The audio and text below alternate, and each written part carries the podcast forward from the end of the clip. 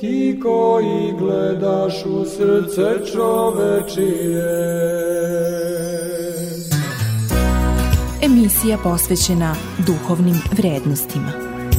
Pirk na Radio Glas. Pomož Bog, poštovani slušalci, vi pratite novo izdanje emisije PIRG na Radio Glas Pravoslavne eparhije Niške. Danas ćete čuti snimak predavanja Post i mentalno zdravlje đakona Dejana Nikolića. Naime, u nedelju 25. februara u parohijskoj sali crkve Uspenja Presvete Bogorodice u Donjoj Vrežini, upravo đakon Dejan Nikolić, diplomirani teolog i psihoterapeut, održao je predavanje na temu post i mentalno zdravlje. Sad su pripreme nedelje posta, tu su neka od najvažnijih evanđelja, onako najpoučnijih priča, priča koje su kroz istoriju hrišćanstva najviše tumačene, najviše nekih pouka je izvučeno iz njih. Recimo, uh, za uh, nedelju bludnog sina neki sveti oci su govorili kad bi čitavo evanđelje nestalo samo ta priča o bludnom sinu da ostane, pa bilo bi dovoljno. Ova isto poruka o Mitaru i Fariseju mnogo govori, u stvari mnogo bogata je e, sadržaj otac Ognjen je pričao o tome. Naravno, kad se tumači sveto pismo, postoji nešto što se zove zakon beskonačnog izobilja. Ne postoji jedno konačno, tačno tumačenje, uvek postoji mnoštvo tačnih tumačenja, dokle god su ona u skladu sa celinom hrišćanske veri, zato se mi trudimo da uvek dodajemo i da uvek i tako i kad čitate svete oce nisu tumačili sveto pismo samo na jedan način, već su uvek uh, dodavali uh, ono na što ih je taj deo inspirisao. Dakle, nije uvek ključno pitanje šta je pisac zaista hteo da kaže, nego kakvu sve pouku mi možemo da izvučemo iz toga. I pošto se život menja, pošto mi rastemo, razvijamo se, svaki put kada se vraćamo, čitamo na novi način i svaki put saznajemo nove stvari. Tako ću ja malo to protumačiti, ovaj, e, pošto eto, povod je tu, meni je recimo konkretan jedan detalj zanimljiv. E, vidite, mi vrlo često, e, svi znamo da ne treba da budemo kao farisi i svi hoćemo da budemo kao carinik, je tako? Da se kajemo za svoje grehe, a ne da budemo gordi. Međutim, naše misli ponekad tako idu da u stvari istog trenutka kada osetimo pokajanje, već u sledećem trenutku mi mislimo o sebi kao o nekome, evo vidi kako sam ja, pa ja sam u stvari pravi, evo kako sam se iskreno sad pokajao. I opet, a, i ako smo na trenutak kao carinik, sledećeg trenutka smo kao, a, kao farisej koji posmatra sebe i kaže, evo vidi kako, pa ja se kajem. Znači da sam ja bolji od drugih ljudi koji se ne kaju. I ta neka, da kažem, a, borba s mislima i to što se dešava u našoj glavi, jeste a, nešto što poprilično liči na ovo, u stvari kako kako, mi, kako ovaj farisej u stvari. Jer on je taj koji sebe neprestano preispituje, analizira, analizira druge ljude, upoređuje se. I to dokle god radimo, makar bilo i onako da mislimo o sebi kao pa dobro evo ja sam loš pa se... To, mi smo u stvari slični fariseji. Međutim, onog trenutka kad pomalo zaboravimo na sebe, kao što je ovaj carinik recimo, on nije zaboravio na svoj greh, ali na neki način žali zbog toga što je ožalostio Boga. Pravo pokajanje u stvari jeste kad čovjek pomalo, kažem, zaboravi na sebe. Ne radi se sve, sve u ovom životu o meni. Nisam ja najvažniji. Znate, to vam je kao sa nekim bližnjim, kad, kad ste osetili da ste ga povredili. Prava, prava, pravi potezi, pravi, pravo traženje oproštaja Nije to da se vi bavite kako je to meni moglo da se desi, zašto sam ja to uradio, ja sam pogrešio, nego neki, neko zaista posezanje ka toj osobi, molim te oprosti mi, žao mi je, u, i u tom trenutku u stvari čovek zaboravlja na sebe. Zaboravlja što mu je, ono što se kaže, pala kruna s glave, kao ja sam sad pogrešio. Zaboravlja čak i na, na to, već je okrenut ka drugome. Dakle, ta okrenutost ka drugome je u stvari neka, neka suština. Dakle, mi u stvari da bismo se zaista kajali i zaista treba da izađemo iz svoje glave i bavljenja samim sobom i koliko god da je to preispitivanje u nekom trenutku korisno, međutim bez zajednice sa drugim, bez ljubavi prema drugome, mi u stvari nećemo, nećemo zaista dospeti do pravog pokajanja. Jer pokajanje u stvari jeste napor da se obnovi narušen odnos, da se veza, odnos, ljubavna veza sa nekim koja je narušena obnovi. I dokle god smo mi u svojim mislima, makar one bile i samo osuđujuće i neke analizirajuće, mi u stvari ne radimo na odnosu. Zato, kažem, postoji granica do koje čovjek treba da bude u svojoj glavi, čak i ako misli da se kaje. I treba da počne da dela i da radi i da traži oprošte od ljudi i da, e, da, da, da pred drugima delatno u odnosu sa bližnjim u stvari on um, aktivno menja sebe. Uh, druga isto interesantna stvar, znate, većina nas ovako hoćemo da budemo kao carnik, ali šta je problem? Carnik je, kao što reče otac Ognjen, bio neko ko je bio javni grešnik. Znači, to su ljudi koji su prodali naciju i veru i za, za račun Rimljana skupljali porez, uzimali su deo od toga, bili su okrutni i sad koliko nas zaista može da se identifikuje sa njima? Ja prepostavljam ne veliki broj nas ovde. Mi smo uglavnom, pa recimo uzorni ljudi, vrlo često e, ljudi koji dolaze u crkvu decenijama, mislimo, trudimo se oko malih stvari, sad nam je prosto teško da mi sad se kajemo, ne znam, zbog nekakvog velikog greha. I koliko god da mi sad gledamo tu priču, hoćemo da se bijemo u grudi, nešto to baš ne ide uh, najčešće. Uh, s druge strane imate recimo priču o bludnom sinu, za koju u stvari uh, vladika Atanas Jeftić kaže uh, to nije priča o bludnom sinu, to je priča o starijem sinu.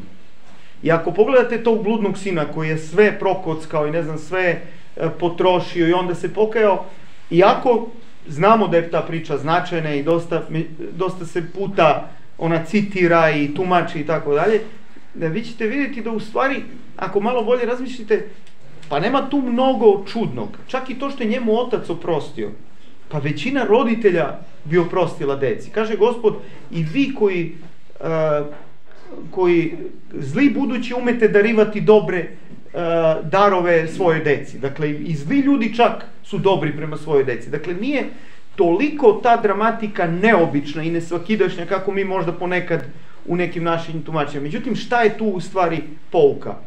Možda važnija. A, gospod je tu priču pričao religioznim, pobožnim ljudima.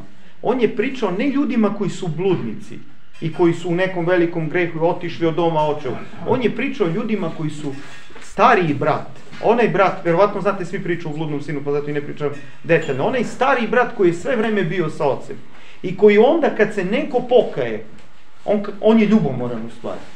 Dakle, on traži privilegije za tu svoju poziciju. To je e, ključna stvar verovatno važnija poenta u trenutku dok Gospod priča tu priču. Naravno, kao što rekoh, mi možemo bezbroj značenja i to je sve legitimno i tako i treba da bude da izlačimo iz toga, ali ako se sad za trenutak vratimo na, na taj kontekst. E sad šta je sa nama, opet većinom koji smo ovde okupljeni?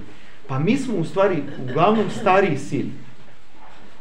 Većina religioznih ljudi u svim religijama su stariji sin. I nama je važnija ta možda poruka oko te neke przničavosti i nekog analiziranja i procenjivanja i ceđenja i osuđivanja, to je možda važnija poruka za nas nego oko nekog zastranjenja, odlaska. Nekad, naravno, desi se i to u životu i ima ljudi koji mogu i da se identifikuju u većoj meri uh, sa, sa mlađim sinom, sa bludnim sinom ali većina nas koji smo stalni u crkvi, naročito sveštici, nama je veće iskušenje prilazi sa ove druge strane, da ne budemo taj stariji sin u stvari. Da ne budemo neko ko sad tu mnogo analizira. I pazite sad, ja sam prošlo puta ko, ko se sećam, uh, uh, pričao o tom perfekcionizmu, o težnju ka savršenstvu. I vidite, uh, još jedan detalj, recimo u Svetom pismu se kaže budite savršeni kao što je savršen Otac vaš nebeski. I mnogi ljudi to tumače na takav način e, perfektnosti u svakom pogledu, u delima, u rečima, da ja sve uradim kako treba. Međutim, ako se vratimo na kontekst Svetog pisma, kada to Gospod kaže? To je u onoj, e, u besedi na gori, možda u šestoj glavi, gde govori o tome, kaže, ljubite neprijatelje svoje. Ako te neko potera sahat jedan, idi s njime dva. Ako ti neko potraži haljinu, podaj mu i košulju. Ako, I tako dalje. Ako te neko goni, ne znam, jednu milju, idi s njim dve i tako. Uh, okreni drugi obraz. I sad, uh, tu je ovaj, pa onda kaže, ako je oko tvoje dobro, sve će telo tvoje svetlo biti. Ako je oko tvoje zlo, sve će telo tvoje tamno biti. Sad delo je kao da to odjednom nema neke veze. To oko kakvo je i ovo pre toga. Međutim, postoji jedno tumačenje koje ovako nije baš svakidašnje oko toga, a mislim da je vrlo značajno, pa ću to sad da ovde podelim sa vama. Šta znači dobro oko i svetlo oko? Razna su tumačenja, neko kaže to je, ne znam, oko vere, to je naša spoznaja vere, ako nam je dobra vera, e, onda će čitav naš život biti dobar, što stoji kao tumačenje. Ali postoji jedno za koje mi najčešće ne znamo.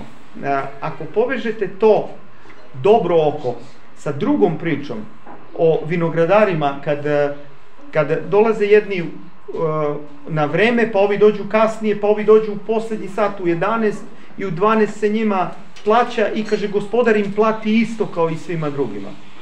I onda ovi počnu da se bune, pa kažu kako mi koji smo došli ranije nismo, plaćeni smo isto kao ovaj koji je došao samo poslednji sat. A gospodar im kaže, a šta vi hoćete? Jeste plaćeni za ono zašto ste, e, kako ste pogodili, kako, kako je ugovoreno, dobili ste svoju platu. I kaže onda, što je vaše oko zlo, što sam ja dobar? To zlo oko je u stvari ono zlo oko zbog koga je e, čitavo telo tamno. I postoji u savremenom, e, čak i u savremenom jevrejskom jeziku postoji izraz dobro oko. Kažu kada, kada pokrenu neku a, dobrotvornu neku kampanju, nešto skupljaju novac za nekog.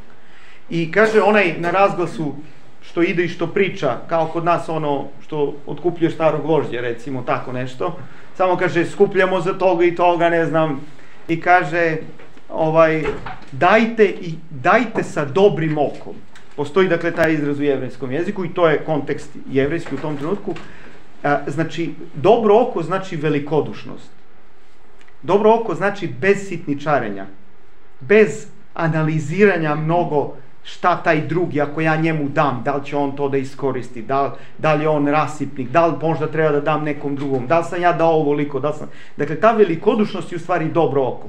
Dok je zlo oko, ono što radi onaj tamo koji kaže kako ja sam sad uzeo isto, ovaj došao u posljednji trenutak, znači to je suprotno. I sad pazite, ako se vratite opet na besedu na gori, gde kaže okreni drugi obraz, ako te neko, onda vidite u stvari velikodušnost. Da je naš neki hrišćanski stav o kome govori Hristos velikodušan stav. Stav nesitničarenja, necepidlačenja. To je ono što je problem u stvari. I onda kaže na kraju, posle toga, dakle o zdravom oku. Jer pazite šta, šta mi radimo? Mi vrlo često u stvari, e, zato što nam oko, zato što nam percepcija, opažanje drugih ljudi nije kako treba, mi mnogo patimo. Zato što primimo u sebe neku pomisao i onda se borimo sa njom, mučimo se a, i, i sad koliko god da je ishod i rezultat toga negde hrišćanski, mi kažemo pa dobro, on je moj neprijatelj, ali ja ću da mu oprosti, ne znam, on je moj komšija, a, ne ide u crku, on je grešnik, ali nema veze i tako. Dakle, ta borba ide negde iznutra, ono, mi ostajemo u svojoj glavi i bavimo se, međutim, a, nema te svetlosti u stvari koja koja treba da dođe kad zaista, ako čovek zaista može i da ne primeti, dakle da na, na tim vratima duše, na tom ulasku u dušu imamo stražara. I da onda ne primamo pomisli s kojima ćemo se rvati e, besomučno i boriti se, nego da zadržimo neku vrstu e, poletnosti, elana, neke vrst, neku vrstu životne energije, samo zato što smo prosto u startu bili velikodušni lafovi, što se kaže. Znači ono da, da ne, ne budemo prznice. E to je, to je sad u stvari izazov religioznih ljudi najveći. U stvari ljudi koji znaju šta sve treba, kako treba, šta je pravilno, kakva su pravila i to je nešto sa čim se mi borimo, sa čim se bore fariseji, sa čim se bore stariseji. Zato u stvari ta priča o farisejima, vi kad kad čitate evanđelje, ja kad sam to još kao dete prvi put čitao, pa kao ko su sad pa ti fariseji, šta je ovo? Delovalo mi je kao nepotrebna neka istorijska priča, nešto bilo tad i ne postoji više. Međutim, stvari u tome da je to stalni izazov. I vi ako gledate o farisejima se više priča nego o grešnicima.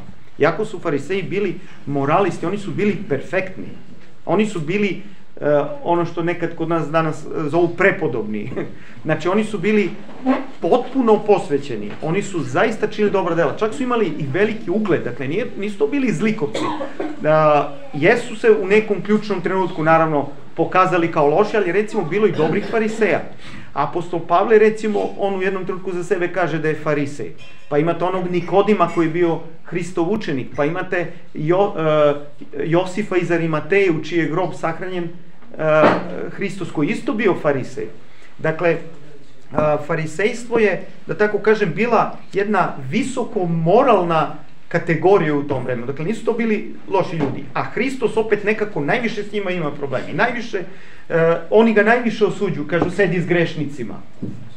Uh, sedi s običnim ljudima, u stvari, koji su za fariseje bili grešnici. Neki su možda i bili neumereni u jelu i piću sa grešnicima, sa pijanicama, sa izelicama, tako su govorili za Hrista.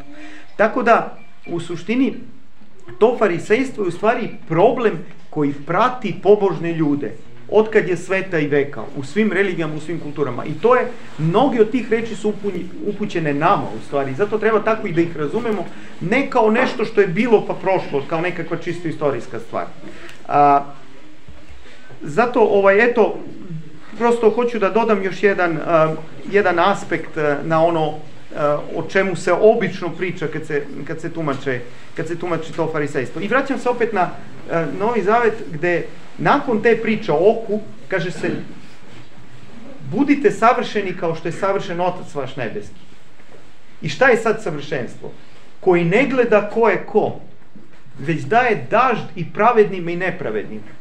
Dakle, savršenstvo koje se od nas traži nije savršenstvo u detaljima, u formalnostima, nego u tome da ne gledamo ko je ko. To je savršenstvo. Tako je Bog savršen, koji daje kišu i pravednima i nepravednima. Dakle, a, savršenstvo je u stvari u toj nekoj velikodušnosti. Dakle, ta rečenica je sumiranje onoga što je pre bilo. Ako ti neko potraži ha, haljnu, podaj mu i košulju. Ako ti okrene, ako ti udari po jednom obrazu, okreni drugi. A, oko tvoje da bude a, dobro, je tako? Zdravo.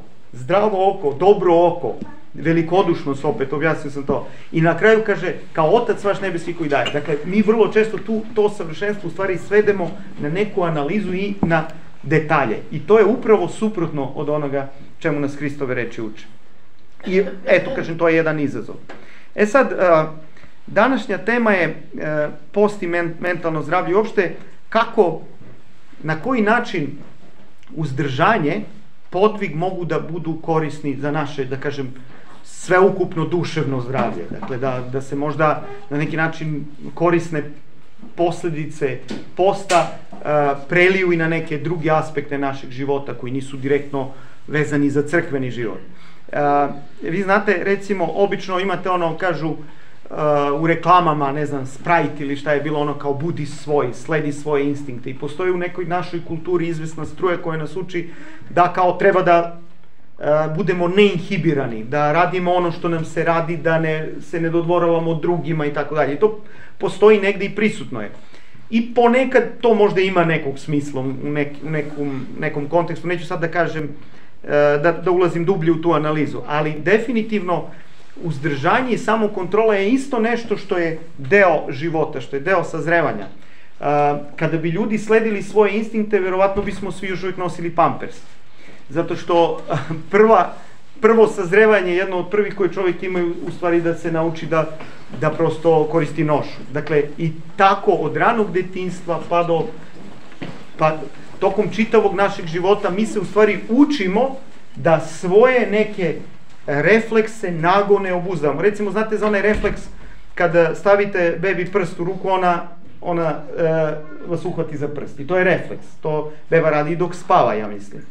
A, međutim, a, šta je u stvari, kako dete sazreva, ono uči da kontroliše taj refleks. Da bi moglo recimo da drži kašiku. Jer ako bi uvek a, to funkcionisalo tako, ne bi mogla se drži kašika na nikakav drugačiji način. Dakle, funkcionisanje ruke, da bi se ostvarilo, neophodno je to u stvari.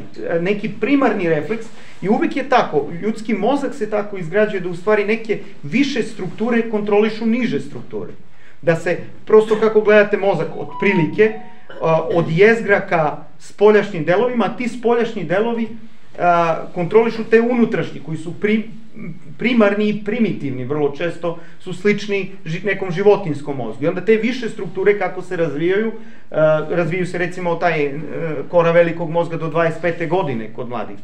A, oni na, u, polako taj, taj deo uči da, odnosno uspostavljaju se te veze tako da se kontrolišu one primarne stvari.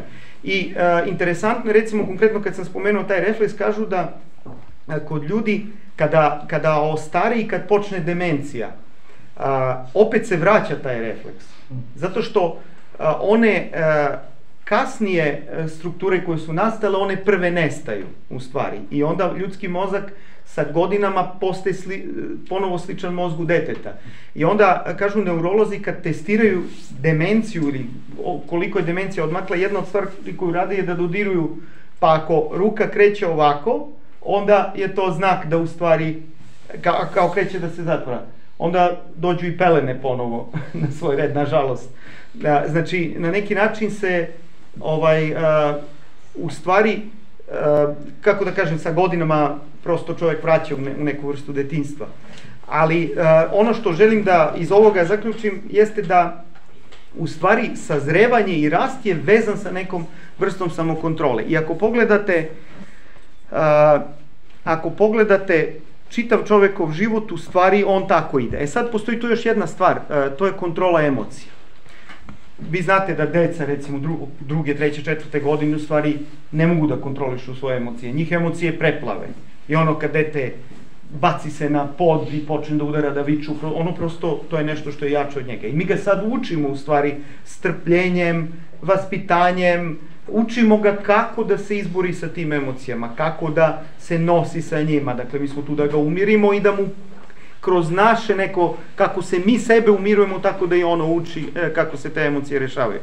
I e, mogućnost da se kontrolišu svoje emocije je u stvari znak psihološke zrelosti. Dakle, ljudi koji e, kažu ja sam, ne znam, ma ja to volim da kažem, ka meni kad nešto, ja nisam kao oni koji nešto, vrlo često u stvari e, ne umeju da kontrolišu svoje emocije i onda ono što na um, to na drum i to opet njemu možda u tom trenutku bude lakše, ali vrlo često vodi do toga da u stvari se neki međuljudski odnosi kvare, da neko bude povređen posle toga, da se napravi neka šteta, da donese, neka nanese štetu sobstvenom ugledu i tako. Znači, nekako uh, način, naravno, kod kontrole emocija ne znači samo potiskivanje i guranje unutra, uh, to znači ishvatanje šta osjećam i iskazivanje na jedan zdrav, funkcionalan način, recimo ako sam zadovolj, ako sam nezadovoljan nečim, ako sam ljut, uh, da prosto odbrojim do 10, da ne kažem odmah, nego da kažem kasnije. Dakle, ne znači uvek potiskivanje, da ne shvatite pogrešno da sad mi moramo da se zatvorimo i da ne smemo ništa negativno.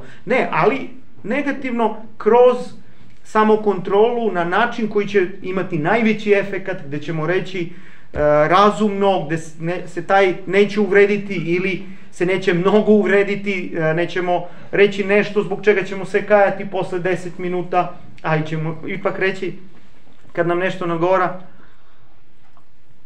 Dakle, to je, da kažem, jedna zrelost. Međutim, postoji nešto što a, se obično u psihoterapiji i psihologiji zove netolerantnost na frustraciju.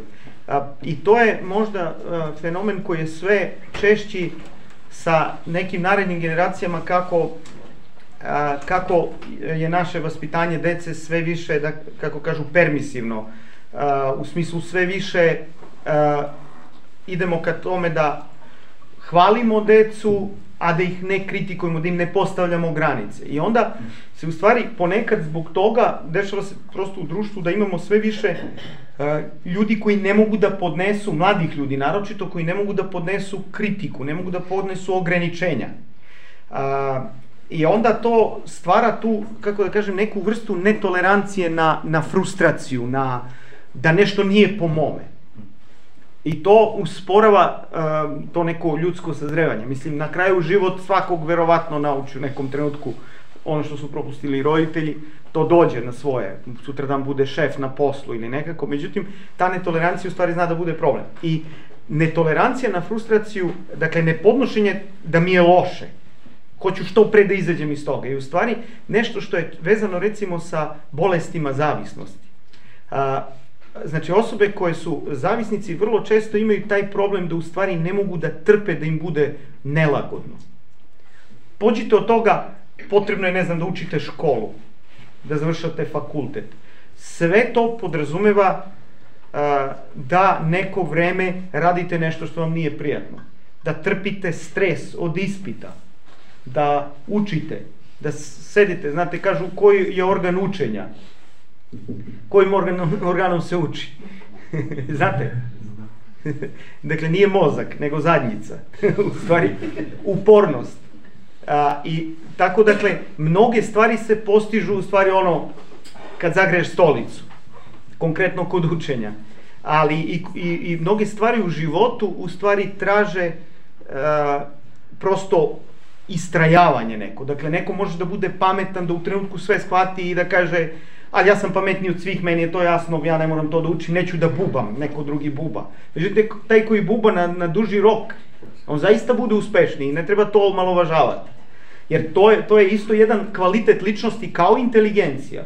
Čak kad ljudi premaš određeni prag inteligencije, recimo, ne znam, onaj koeficijent 120, više nije bitno da li su inteligentni 125 uh, ili, ili 250. Uh, postaje sve jedno, postaju važnije ove druge osobine. Sad, možda uh, kod manje inteligencije, tako inteligencija je bitna, ali, kažem, kod nekih, uh, kad su već ljudi dovoljno inteligentni, onda postaju važne neke druge stvari. Tako da, uh, ovaj, kako, eto, ta netolerancija na frustraciju u stvari, i sad, zašto to povezujem sa postom? Pa zato što je post u stvari vežbanje u tome. Mi se vežbamo, e, namerno sebe stavljamo u poziciju da nam ne bude dobro. U smislu, prolaziš pored ćevapđinice, to miriše, ali jednostavno ne uzmeš ćevape. Dakle, to je neki trening.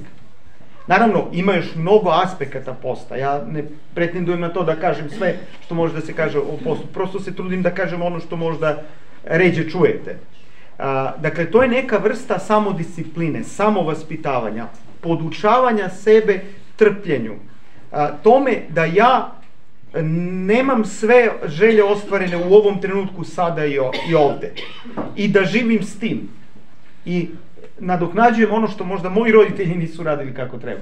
Dakle, mi smo odrasli ljudi, možemo da sami sebe vaspitavamo. Ako su nas roditelji razmazili, radili su najbolje što su umeli, evo prilike da sad mi sami sebe do vaspitamo, da dodamo sebi. I to je post.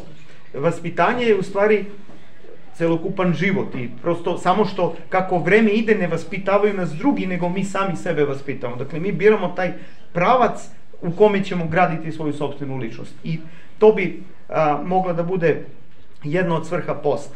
A, to dakle uzdržanje nas uči u stvari da i to pazite to stvara neku vrstu žilavosti.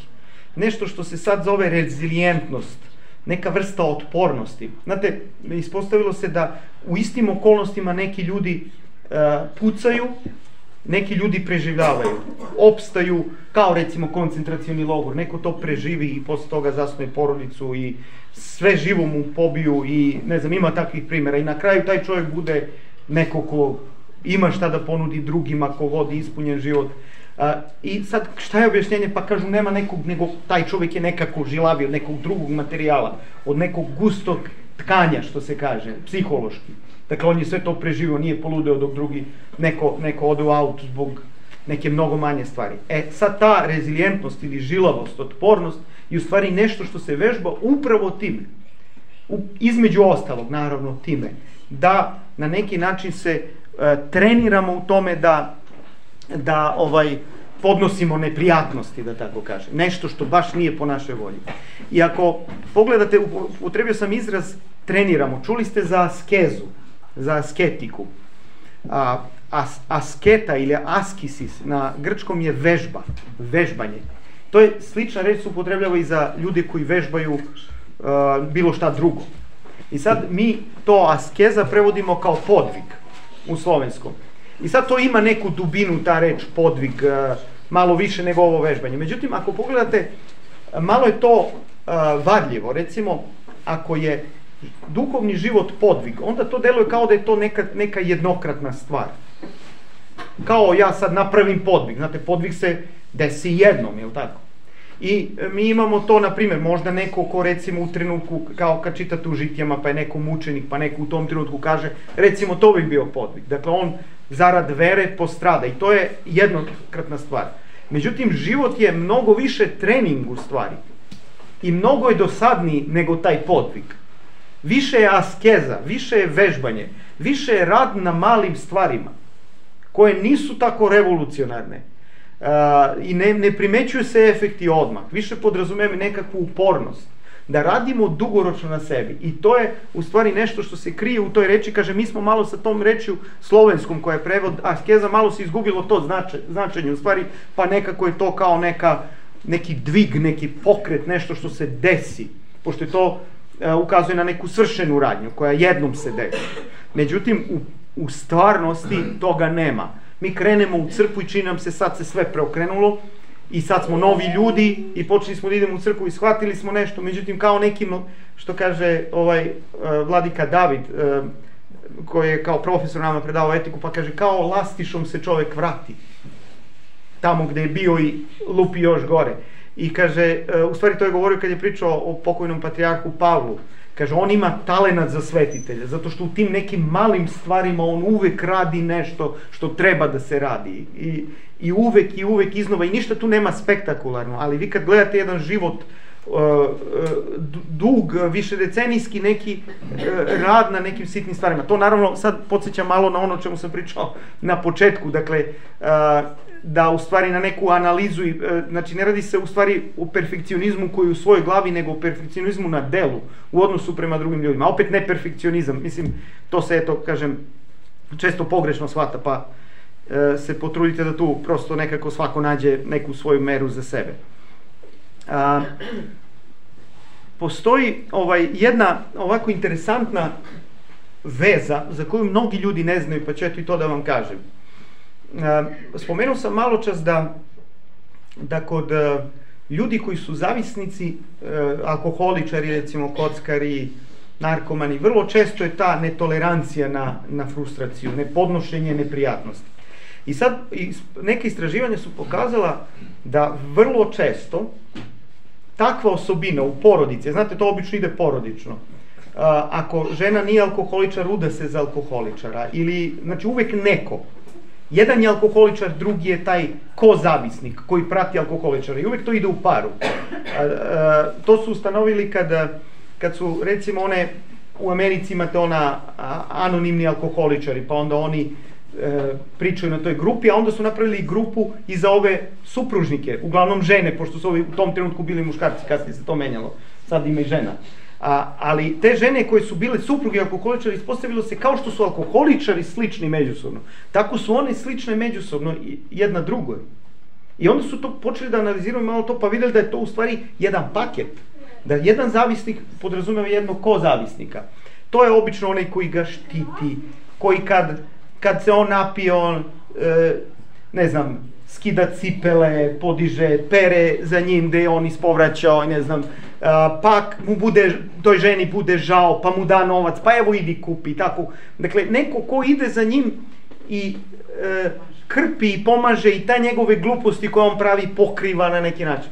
I to je vrlo čest, čest slučaj. Pratite malo pa ćete videti recimo tamo gde je neko alkoholičar kako postoji neko saosećanje i razumevanje za alkoholizam. Dok tamo gde žena kaže slušaj, ovo ti se sad desilo i nikad više. Tu se taj brak ili raspadne ili taj prestane da pije. E, razumete? Međutim, alkoholizam, pola, jer alkoholizam je uh, po sebi neodrživ, kao i bilo koja zavisnost. Vi ne možete da budete alkoholičari i da živite. Jer vam je potreban novac da biste bili alkoholičari. Znači vi uvijek morate da imate neko ko će da vam daje. Vi ne možete da zadržite posao ako ste zavisnik, narkoman ili ozbiljan alkoholičar. Dakle, e, tako da u suštini alkoholizam traži neko održavanje sa strane, neko ko će da se podmeće stalno. I onda se ispostavi da je toj osobi, toj ženi recimo otac bio alkoholičar i da se to naučilo ovaj negde u porodici. I to tako ide u stvari, kroz generacije. I onda recimo imate sinove koji kažu nikad neću da budem kao moj otac, evo šta on radi, bruka me, ne znam, i onda u sledećoj generaciji on bude isto.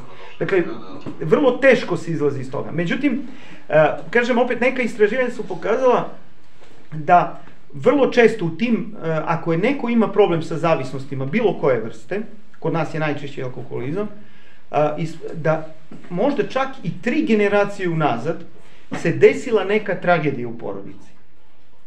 Desio se neki veliki gubitak. Ovde su kod nas bili ratovi, vrlo često je to recimo neki početak. A, ili neki drugi gubitak, pazite, neko je izgubio ruku, na primjer. Neko je, ne znam, a, najčešće su to da kažem, prerane smrti članova porodice, naročito oni koji su bitni, glave porodice i tako. I sad, kakve to veze ima? Pa, kažu, pazite, ne svaki gubitak, da se razumemo, ne svaka smrt. Međutim, ono što stvara probleme potomcima jeste takozvani neožalovani gubitak. Odnosno, gubitak koji se desio, ali nije isplakan kako treba. Nije ožaljen, nije A, zašto? A, zato što, na primjer, nekad se recimo desi da, da je to toliko teško, naročito ako je recimo samoubistvo, e, pogotovo ako je nešto što komplikuje žalovanje.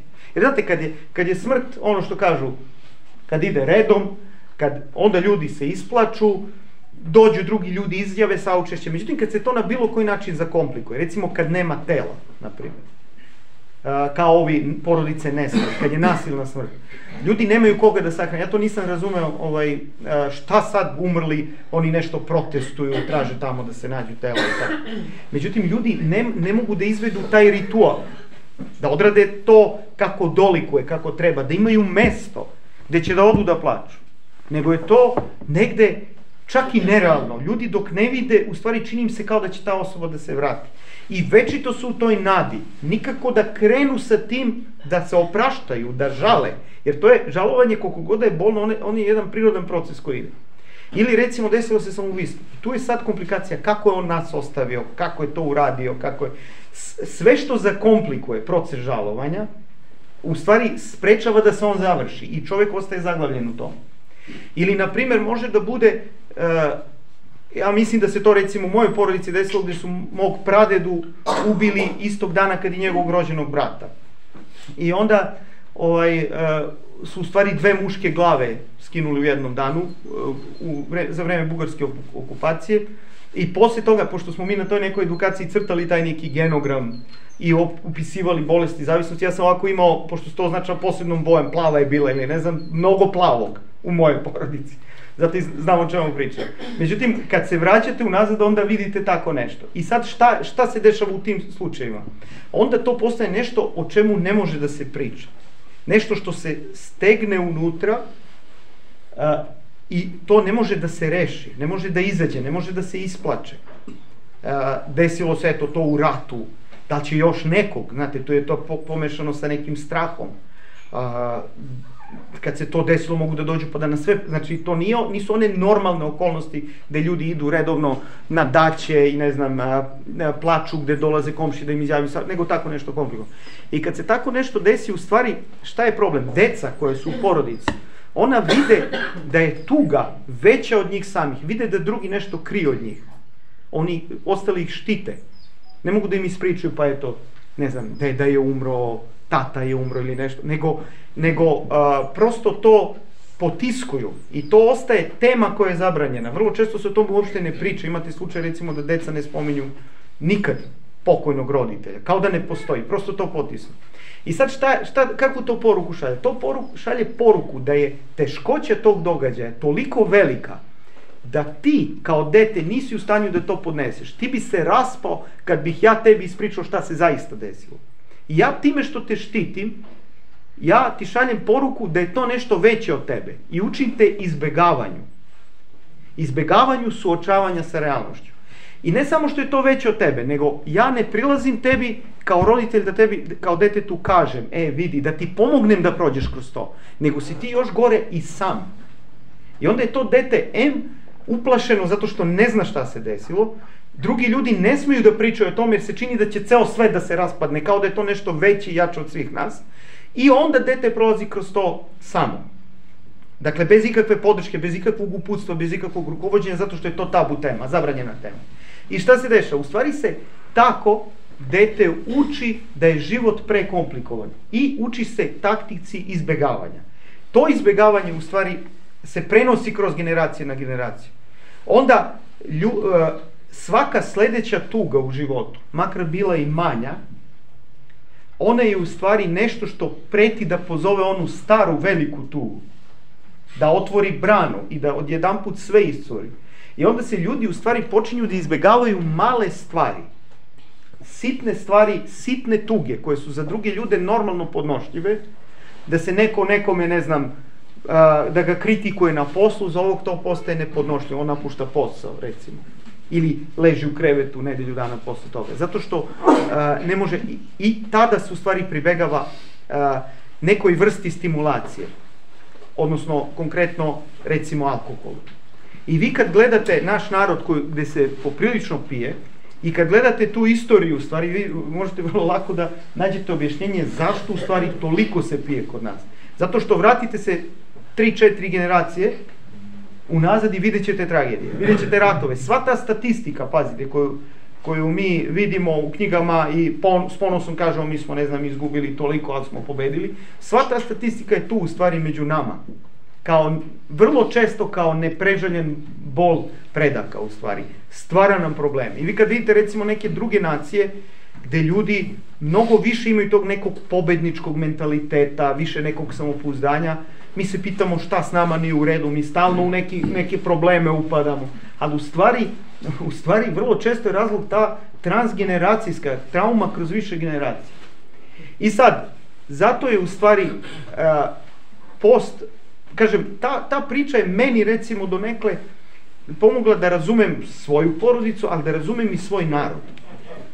Znate, ne možete od naroda koji je, koji je večito prolazio, gde stotina, pre sto godina je bilo ono, uh, ne znam što pričaju, uh, uh, prva bračna noć, gde su Turci bili, razumete, to, to, to su, to je znači patnja jedna koju mi, mi sad nosimo i nije lako izvući se iz toga, nije lako um, razmišljati, rad, biti produktivan i raditi, ne znam, uh, studirati, raditi posao. Čak i kad radimo posao, recimo, to mi je pričao jedan momak koji radi u uh, stranoj firmi, pa kaže, tamo su njihovi psiholozi, HR-evi u firmi istraživali kako razlike između nas i Norvežana, ili ne znam, neki skandinavci su bili, kaže, naši ljudi mnogo više se nešto pate oko posla. Ili im je teško, ili kad rade, oni se satru ali nikako da to bude, dok su ovi opušteni, izgubit ću ovaj posao, dobit ću drugi. A kod nas je sve nekako praćeno nekim, što se kaže, patosom, nekom strašću, nekom energijom. A, I to je nešto što ovako postoji kao kolektivna stvar i nešto na čemu mi treba da radimo. E sad, šta je post? Post je u stvari to treniranje. Znači to što smo, ako smo dobili neko nasljeđe koje nije idealno, neko je imao sreće, naravno nismo svi isti, ali veliki deo nar našeg naroda ima prosto pretpostavljam da se mnogi od vas povezuju negde sa ovim o čemu ja pričam. Dakle, postoji u stvari taj, uh, taj neki trening uh, ka uh, nekoj vrsti sticanja rezilijentnosti, ka nekoj vrsti sticanja. Naravno, ima mnogo, znači ja sam pričao o, toga kako u stvari nam crkva pomaže. Sad je eto konkretno tema post, ali i sama e, saznanje da nismo sami u svemu tome, da to nije samo naše, nešto samo moje, već je nešto kolektivno. Pa kad gledate život kroz istoriju, gledate šta su, ne znam, u starom zavetu sa evrejima, vidite da je život jedna drama u stvari i da je to, kako kažem, nešto što treba normalizovati i od čega treba startovati. Ajmo da vidimo šta sad ja mogu da uradim. Šta ja mogu da uradim da malo bolje nasledđe dam svojoj deci. Ako promenim to za 10%, onda je to dobra stvar, to je veliki uspeh. Tih 10% može da bude, pa 1% kažu kad brod promeni kurs, e, može da stigne na potpuno različit kontinent, u zavisnosti od tog pravca. Tako da, ta promena ne mora da bude velika, ali ona može da bude ključna u nekim malim stvarima, da naša budućnost, ali naročito budućnost na, naših potomaka bude, bude drugačija. Eto, e, to je jedan od aspekata koji ima, da, tako kažem, veze sa psihologijom uzdržanja. Sledeća stvar, recimo, možda ste čuli za nešto što se zove hedonička adaptacija. Ako niste čuli za to, čuli ste za onu izreku na dobro se čovek lako navikne. A, znači, koje god dobro da nam se desi, ono je kratkog roka. Zadovoljstvo zbog tog dobra je kratkog roka. Znači, kupite, ne znam šta, telefon, kupite kuću, pitanje je za koje vreme. Recimo, kažu kad ljudi dobiju na lutri, i sad mislite, sad ovako iz naše Google to dobijete milione, sve biste rešili. Međutim, šta se desi? Kažu da zadovoljstvo od e, srećnog događaja traje najviše tri meseca. I da posle tri meseca se mi vraćamo, jako ne deluje tako. Vraćamo se na ono naše. Ako smo bili, ono što kažem malo pre, przničavi, sitničavi, mi ćemo se nerviramo što su nam toliki porez naplatili, što ovaj došao da mi traži zajam, uh, kupio sam stan, uh, nije ta kvadratura ili nisu čisti papiri. Znači, čovjek će naći načina da neutrališe efekte tog dobra koje mu se desilo. I to je prirodno tako. Kupite bilo šta, znači, koji god. A, međutim, isto važi i za nesrećne događaje.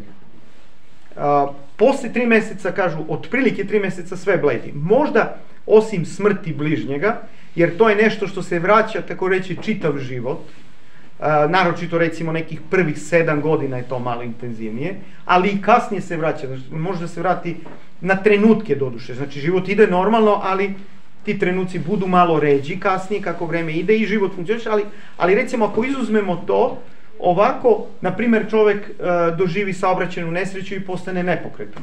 I sad se deluje kao da je to kraj. Ovako iz našeg ugla, kao da je to počela nova etapa nesreće. Međutim, praksa pokazuje da nije tako.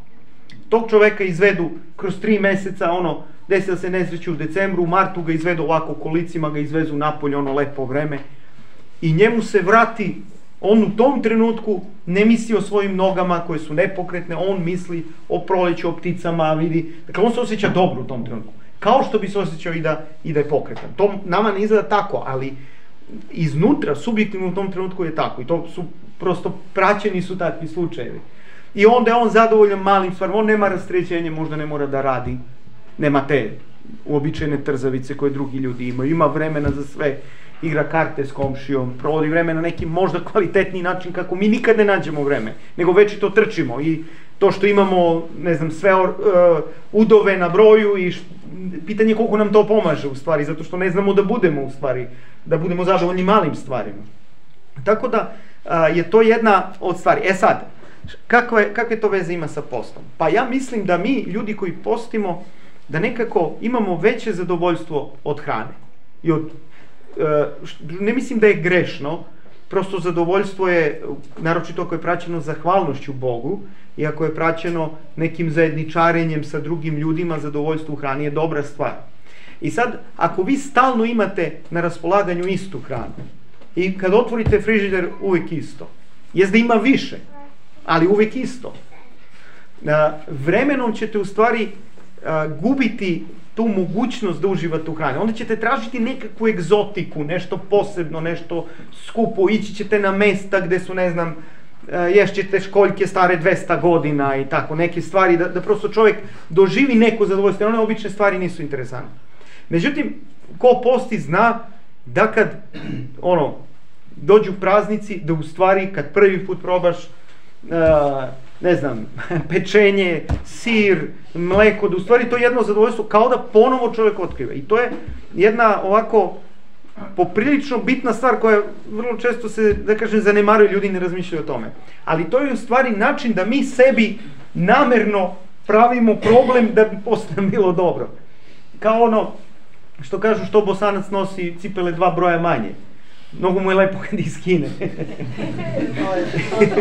dakle, otprilike, delo je malo naivno, ali mi imamo taj, ovaj, u stvari, jedan od efekata, opet kažem, možda je to i sporedni efekat, ne mora da bude najvažniji, ali jedan od efekata posta jeste u stvari uh, uh, veće uživanje u hrani, kad nije post. Naravno i u postu, pazite, i tu se promeni hrana, pa se jedu neke druge stvari koje možda ne biste se dovijali da nešto tražite sad, ne znam, možda ne biste jeli brokoli ili avokado nikad u životu, nego biste, ne znam, jeli pasulj i krompir, ali onda eto sad je post, pa ne može samo pasulj i krompir svaki dan, pa onda nešto se doda, ne znam i tako. I onda pro, prosto počnete da jedete i malo Dakle, ima i postoji taj aspekt. A onda kad dođe mrs i to sad po mnogim ovaj uh, parametrima je u stvari poprilično zdrav pristup ishrani. Znate, kad, kad ljudi recimo smišljaju dijete uh, i kad se istražuje koja je dijeta bolja,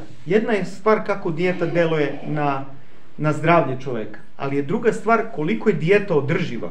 Recimo, ako imate 100 ljudi koji je počelo da prati neku dijetu, koliko ljudi zaista završili.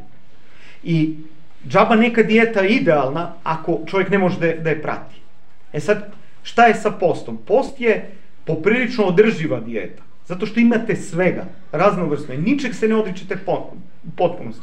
Ali smanjujete ono što je problematično. Recimo, nekad su ljudi jeli, kažu u proseku, verovatno i naši preci, ali generalno te nerazvijene zemlje, 3 e, kila mesa godišnje, 4 kila mesa godišnje. I otprilike je bilo koliko po osobi se pojede. Pa možda je bilo i 10, ne znam. A sad kažu da to ide recimo i do 100 kg. U stvari čovjek pojede 300 grama mesa u prosjeku dnevno, muškarac recimo. A, I sad, mi, naš organizam nije prirodno, mislim, u redu je jesti meso, ali do te mere, to se totalno izopače. Pa onda imate taj ekološki aspekt, recimo, e, toliko se krava gaji, da, na primjer, broj krava, masa krava e, prevazilazi a, sve kopnene životinje, uključujući slonove i žirafe i sve što postoji na ovoj planeti. Kad se uzmu krave koje se uzgajaju zarad mesa, to je 20 puta više. Znači, ne malo više, nego krava ima, upravo zato što se govedina najviše jede. Mislim, kod nas možda ne, ali recimo globalno to je.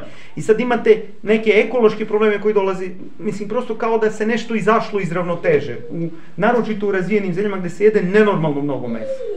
Da, da to održavanje takvog načina života u stvari ne uništava samo zdravlje čoveka, nego uništava u stvari i životnu sredinu i sve ostalo što. Tako da ima, imate i taj aspekt. Uglavnom, evo i sad ću da, da završim, imao sam još dosta stavki, ali prosto ostavit ću to za pitanja. A, jedna od stvari je, a, jedan od tih aspekata posta, dakle, jeste a, taj, da kažem, ekološki. I pazite sad, imate a, jedno, skoro sedimo s jednim momkom, a, moj bivši đaki kaže, malo, malo gojeza, ne previše, kaže, ne, ne, pijemo kafu, on kaže, neću šećer, idem na neki challenge no sugar ili no carbs. A, Šta je to? Znači na internetu postoji grupa gde ljudi kao ajmo sad ljudi da probamo nešto da, da ne jedemo ugljene hidrate ili šećere ili ne znam uh, neko, na neko vreme pa da vidimo rezultate. I sad šta je tu meni bilo interesantno? On je to mogao da radi i sam. Lekar bi mu verovatno rekao da smanji hleb, da smanji znači, uh, šećer i uopšte sve ugljene hidrate. Međutim, njemu je na neki način lakše da to radi uh, kad postoji ta neka grupa gde svi rade. E to je jedna od stvari i kod posta, znate. Jedna od stvari zašto je post održiv je zato što svi, i drugi ljudi poste. Zato što je vreme posta. I tu mi u stvari podržavamo jedni drugi. I mnogi ljudi, to imao sam slučaj kod nas u crkvi, recimo dođe čovek prvi put posti i hoće da se pričesti. I kad se zapričate s njim, vidite da su mu lekari preporučili da treba da smanji, ne znam, zbog kolesterola, da smanji meso ili ne znam. I on je kao m, od, iskoristio post da se u sklopu posta prosto počne tu svoju dijetu. I ako mene pitate, to nije ništa loše. On je kasnije postio, pa je video, pa dobro, ljudi poste, pa se pričeste, pa mogu bi i ja. Znate, možda početni motiv nije onaka kakav bismo mi voleli, nije vera, nije, ali e, govori Sveti Jovan e, Lestični, kaže, nekad onaj e, kradljivac koga jure policajci, on bežeći pa vidi neke tamo povorku, svatove kako idu, pa se uključi u tu povorku, pa s njima ode do kraja. I onda on se uklopi u njih. Mislim, nebitno što je došao u početku da bi pobegao, na kraju rezultat bude dobar. Tako i ovo. Dakle, to što neko zbog zdravlja posti, prvenstveno zbog fizičkog zdravlja, pa onda uđe u to, pa na kraju se i pričesti, pa malo se tu i na neki način postavimo sve to, čitav taj crkveni život. Ja mislim da to uopšte nije loše. Ali hoću da vam kažem koliko je, eto, recimo, jedan od aspekata posta, a, u stvari to što ljudi poste zajedno sa nama. Drugi, i što je vreme posta, i što postoji kalendar posta, što postoji nekakva dinamika i to nam je podrška, to nam je grupa, to nam je challenge, zajednički. Dakle, uvijek to malo, malo pomaže. Zato a, mislim da je eto, a, to dobra stvar. Ono što je opet, kad eto već pričamo o zdravlju, iskušenje za nas jeste ta prerađena hrana. E, vidite, e, zašto se recimo ulje nije dozvoljeno kad je baš strogi post, a jeste, na primjer, masline recimo jesu, a maslinog ulje nije. A, verovatno ima veze sa tom preradom u stvari, sa, to, sa tim da to, taj između ostalog naravno i pored drugih stvari da, da ta, ovaj, taj plod nije izvorno onako kako ga je Bog dao nego da se tu čitava neka procedura radi da vi dobijete jedan izuzetno skup proizvod koji se zove maslinovo ulje i koji sad ovaj nije isto. I sad naravno u, u vreme kad su oci pisali kanone ni blizu se hrana nije toliko prerađivala. Međutim u današnje vreme industrializacije ishrane u stvari gde, gde sve što dobijemo tako reći nije poljoprivreda nego industrija u stvari je veliki rizik od, od te hrane, e, tu je naš problem.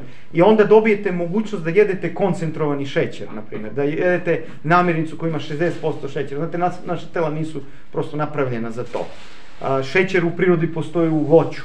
I kad pojedete jabuku, vi unesete malo šećera, uz to unesete svašta još nešto i ne možete pojedete 10 jabuka. Međutim, šećer iz 10 jabuka možete da stavite u jednu čašu. A prirodno organizam želi šećer, zato što je šećer dobar za organizam u normalnim količinama, on nam daje neku vrstu energije. Dakle, tako da smo mi u stvari izašli iz nekog balansa. I to je sad problem za ljude koji postoje, u stvari kad, kad uh, smanjite meso, smanjite, onda šta ostaje? Ostaje hleb kifle, pekara i to je, to je problem. Eto, to je, da kažem, jedan izazov i o tome ne piše ništa u kanonima. Vi ste ispoštovali kanone, ali imate problem sa zdravljem, to je sad onaj izazov, eto, na, na to bi možda trebalo obratiti pažnju. I, jer ja verujem da je post zaista blagost i da je on i zarad duševnog i, i, i fizičkog zdravlja i da nije nešto što nam je nametnuto i da post treba da prihvatamo sinovski kao dar oca, ne kao robovi koji sad nešto tu moraju. Čak mislim da je možda, ako čovek se pati kroz post, možda i bolje da ne posti. Ali kad onda posti, da posti zato, zato što hoće da posti. Mislim da generalno treba da gajimo takav odnos i, i prema veri i, pre, i prema svemu. Znači, ne da radimo stvari zato što je neko drugi meni, drugi mogu da mi budu podrška, ali ne mogu da radim zbog njih ako to nije nešto što ja zai, zaista iskreno verujem. I da se učimo na neki način sa radošću postimo, što kaže gospod, namaži glavu svoju lice svoje umi da te ne vide ljudi gde postiš. I kaže, otac tvoj, čak ne kaže ni naš, ni moj, jer to je jedan je otac, nego tvoj, Dakle, ukazuje na neki lični, intiman moj odnos sa Bogom, koji nema veze toliko baš sa odnosom drugih ljudi. Drugi ljudi, kaže, mogu da budu podrška, ali ne treba raditi stvari previše zbog drugih ljudi. Eto, toliko, ovaj, ako imate neko pitanje, ja sam, ja sam otvoren. Ko je vezano za temu ili malo ide od teme, ali je tu negde blizu, uh, u redu je.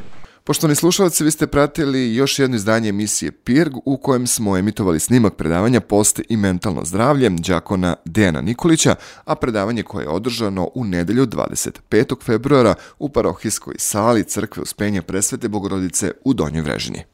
Gospode,